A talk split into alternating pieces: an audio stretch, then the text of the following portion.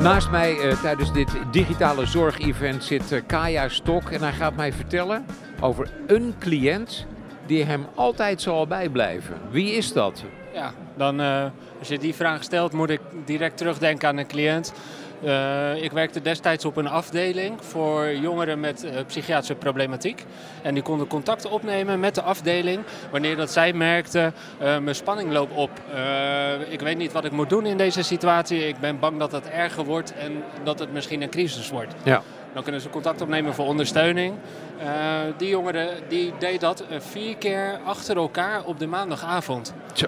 En ik werkte toevallig ook iedere keer op die maandagavond. Ja. Waardoor dat ik tegen de jongeren zei, hé hey, wacht eventjes. Dit is nu vier keer achter elkaar op dezelfde avond. Hoe is jouw dag verlopen vandaag? En de jongeren ging terugdenken in de dag. Wat is er nu gebeurd? En die merkte, ik heb een drukke schooldag gehad. Ik heb, daarna moest ik naar therapie. En toen kwam ik thuis en ik had behoefte aan rust. Maar daar zat alle familie. Want we hebben altijd alle familie over de vloer op de maandagavond. en dat was zoveel. En ik wist het niet meer. Ik raakte in paniek. Ja. En dat kwam een aantal keer zo terug.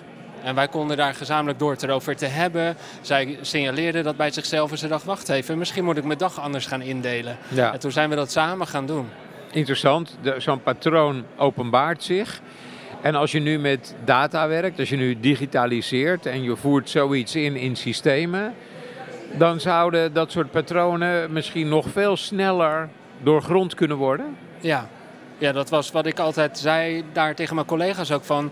Nu ben ik toevallig die vier maandagen op een rij daar aan het werk. Maar als dat iedere keer wisselende collega's zijn... Zou dat niet zijn opgevallen? Nee. Of we zouden dan kunnen zeggen tegen de collega's van... ja, we moeten altijd alle rapportages nalezen om dit soort patronen eruit te halen. Maar we gaan daarmee de druk in één keer verhogen... in plaats van dat we die gaan verlagen.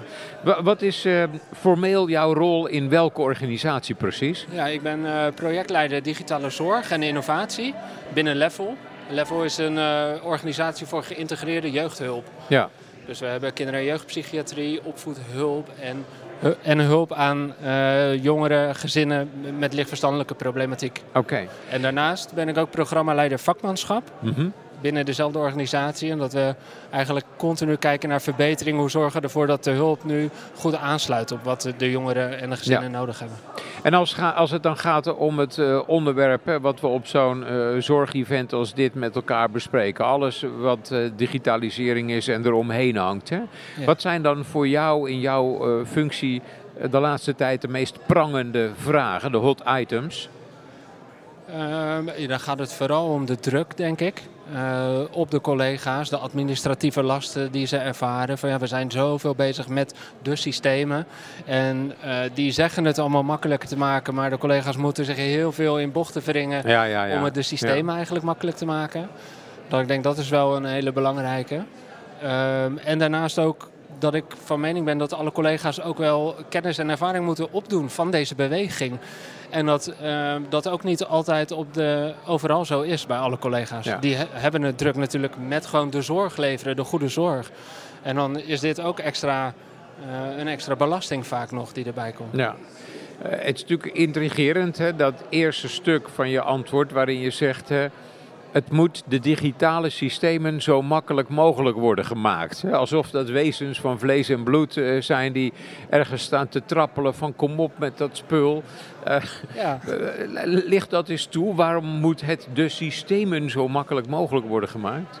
Uh, nou, dat is denk ik um, wat er gebeurt. Omdat er dat dat hem zit in aan de ene kant de filosofie achter de systemen van oh ja, we gaan deze gebruiken zodat het werk makkelijker wordt.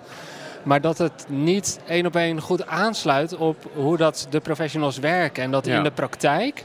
Dus op papier is het van, oh ja, dit gaat heel veel opleveren. En in de praktijk kost het heel veel energie. En, en dus wordt er wel gezegd, van, oh we moeten er gebruik van maken.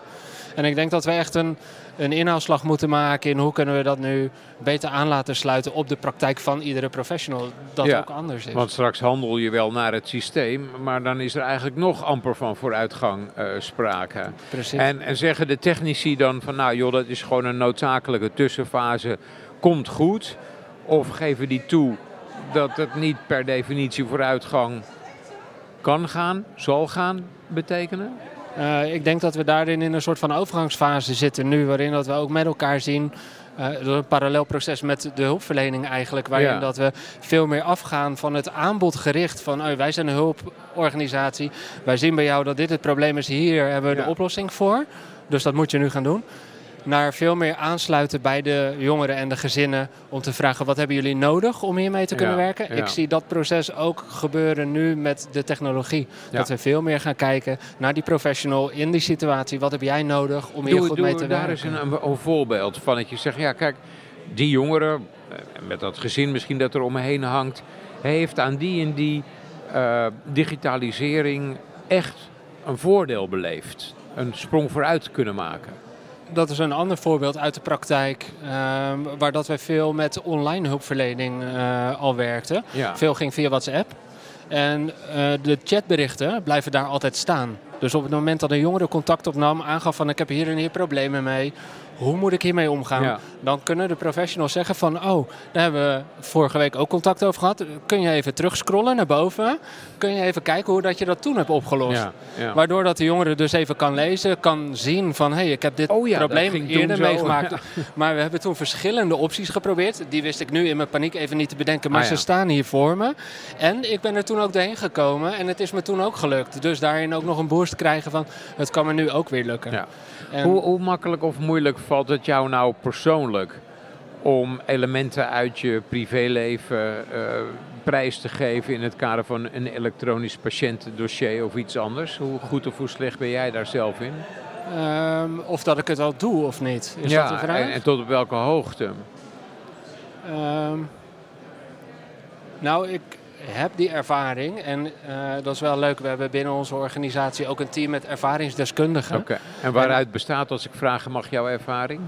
Mijn ervaring, uh, ik ben net uh, vader geworden van een tweede kind. Oh ja. En mijn vrouw heeft in de zwangerschap had ze afwijkende waardes op het gebied van de uh, bloedsuikerspiegel. En dan krijg je direct een melding van, oh je loopt een hoger risico oh ja. op zwangerschapsdiabetes. dus dan krijg je nu meetapparatuur thuis opgestuurd. Dan moet je een app downloaden. En drie keer per dag ga je jezelf meten. Mhm. Geef je die waardes door in de app. Mhm. En een specialist op afstand in het ziekenhuis leest mee van... oh nee, het gaat nu goed. En op het moment dat ze een afwijkende waarde had, signaleerde hij dat. En belde hij haar om de context even te bespreken van... wat is er deze dag gebeurd? Wat heb je gegeten? Wat heb je gedaan? Om te kijken van wat zorgt nu voor die afwijkende waarde. Ja. Um, zodat zij weer verder kon. Ja, dit was dat ze, uh, dat was in de aanloop naar oud en nieuw. En ze had een oliebol gegeten bovenop de normale dingen. Iets heel kleins, iets heel simpels. Maar wel die waarden schoten omhoog. En het zou ook een teken kunnen zijn van, oh wacht even, je hebt een heel verkeerd voedingspatroon. Of er gaat nu iets mis met de kleine. Ja. Maar waardoor dat je normaal gesproken naar het ziekenhuis toe zou gaan. Uh, die afspraak ingepland zou moeten worden. Je daar zit te wachten, dan dat gesprek aangaan. En nu was het even een kort telefoontje. Ja. Oh, het heeft waarschijnlijk hiermee te maken. We gaan het de komende dagen in de gaten houden als je waarden gewoon goed zijn. Ja. Uh, ja, ja, ja, en dan denk je van hoe fijn zou het zijn als je die... Uh, dat voorbeeld ook mee kan nemen naar de jeugdhulp. Hmm. En als jongeren die mentaal gezien niet lekker in hun vel zitten en het even wat minder gaat, dat die ook zo even die steun kunnen krijgen. Of misschien dat ze het signaal zelf nog niet hebben opgevangen, maar dat zo de professional dat al wel ziet. Ja. Uh, jullie zitten bij Level op een bepaald soort route. Hè? Je hebt een bestemming, mag ik aannemen. Je wilt daar en daar uh, naartoe uh, als het gaat om die digitale snelweg. Want dat is het, een snelweg. Hoe zou je die bestemming omschrijven? Waar wil je heen? Um, ja, dat is, ik denk dat het um, op verschillende niveaus. Ik zou vooral dat, de, dat het om de jongeren en de gezinnen gaat. Dat die, hmm. Waar die het meest geholpen bij zijn. Ja. Dus dat is het traject wat we nu ook gaan starten om die daar helemaal in mee te nemen. Uh, we, we zouden graag een transparant dossier willen hebben. Het dossier dat dat echt van de jongeren en de gezinnen zelf is. Maar in hoeverre zijn ze daarbij geholpen? En wat dan wel en wat niet? Wat, ehm, wat zou dan uh, het nadeel kunnen zijn? In welke zin zouden ze dan er misschien helemaal niet mee geholpen kunnen zijn? Um, ik weet binnen de jeugdhulp nu lastige voorbeelden. Ik weet vanuit het uh, ziekenhuis in Utrecht, het UMC Utrecht, waar dat ze naar bepaalde metingen directe uitslagen van het lab online zetten. Oh, ja. En dus kreeg je daar ook dat de mensen thuis die uitslagen zaten, ze niet begrepen, in paniek Ja, raakten. Wat En dat zie ik hier? Ja, dan Wat een hoog cijfer is toe. dat. En dat is geen hoog rapportcijfer, maar misschien wel iets heel vervelends. Ja. En toen hebben ze daar ook het besluit genomen van laten we eerst met elkaar dat gewoon het gesprek daarover voeren ja. en achteraf die gegevens toevoegen. En ik Ja. denk dat wij ook moeten kijken van oh ja, als we een gesprek hebben gehad, zetten we dat direct daar neer of moeten we eerst met elkaar daarover Ja. Of kunnen we de eerste keer dat even bespreken en kan het daarna wel automatisch naar iemand toe, omdat hij dan weet hoe hij die cijfers Ja. moet interpreteren. En ik vind wanneer dat de jongeren op gesprek komen met de professionals, Ja, eh, kan de professional net even voor het gesprek nog even teruglezen in het dossier waar is het de vorige keer Ja. over ga- gegaan, Eh, waar moeten we het nu over hebben. En dat de jongeren en de ouders die daar op gesprek komen dat niet kunnen. Dus je hebt ook een soort van achterstandspositie op het gebied van eh, ja. de kennis. Eh, is er wel eens een eh, patiënt, schuinstreep cliënt geweest die eh, tegen jullie heeft gezegd: Wat ben ik blij met deze digitalisering? Ja, met de, de mogelijkheid daartoe. Ja. Er zijn jongeren geweest die zich afvroegen hoe dat wij, wat we als professional zijnde rapporteerden over de jongeren. Hmm. Eh, en toen gaf ik aan van ja, maar je weet toch dat je daarom mag vragen. Hè? De- je staat gewoon in je Ja. rechten, dat is wettelijk gezien, mag je naar Ja. je dossier. Maar de jongeren zeiden, ik moet zo een drempel over om naar jullie toe te gaan en te vragen, Hmm, mag ik hmm, mijn dossier lezen? Terwijl dat heel veel jongeren wel met die vraag zitten. Ja. Ehm, en die gaf aan van ja, op het moment dat ik zelf dat kan meelezen en daarin teruglezen hoe dat jullie over mij denken, over hoe dat ik Mhm, gebruik mhm. maak van deze afdeling, hoe dat ik met mijn behandeling bezig ben, Ja. dan helpt me dat Ja. heel erg en haalt Ja. dat een zorg weg. Er is vooruitgang in de wereld. Ja, Dank je zeer voor dit gesprek. dank je.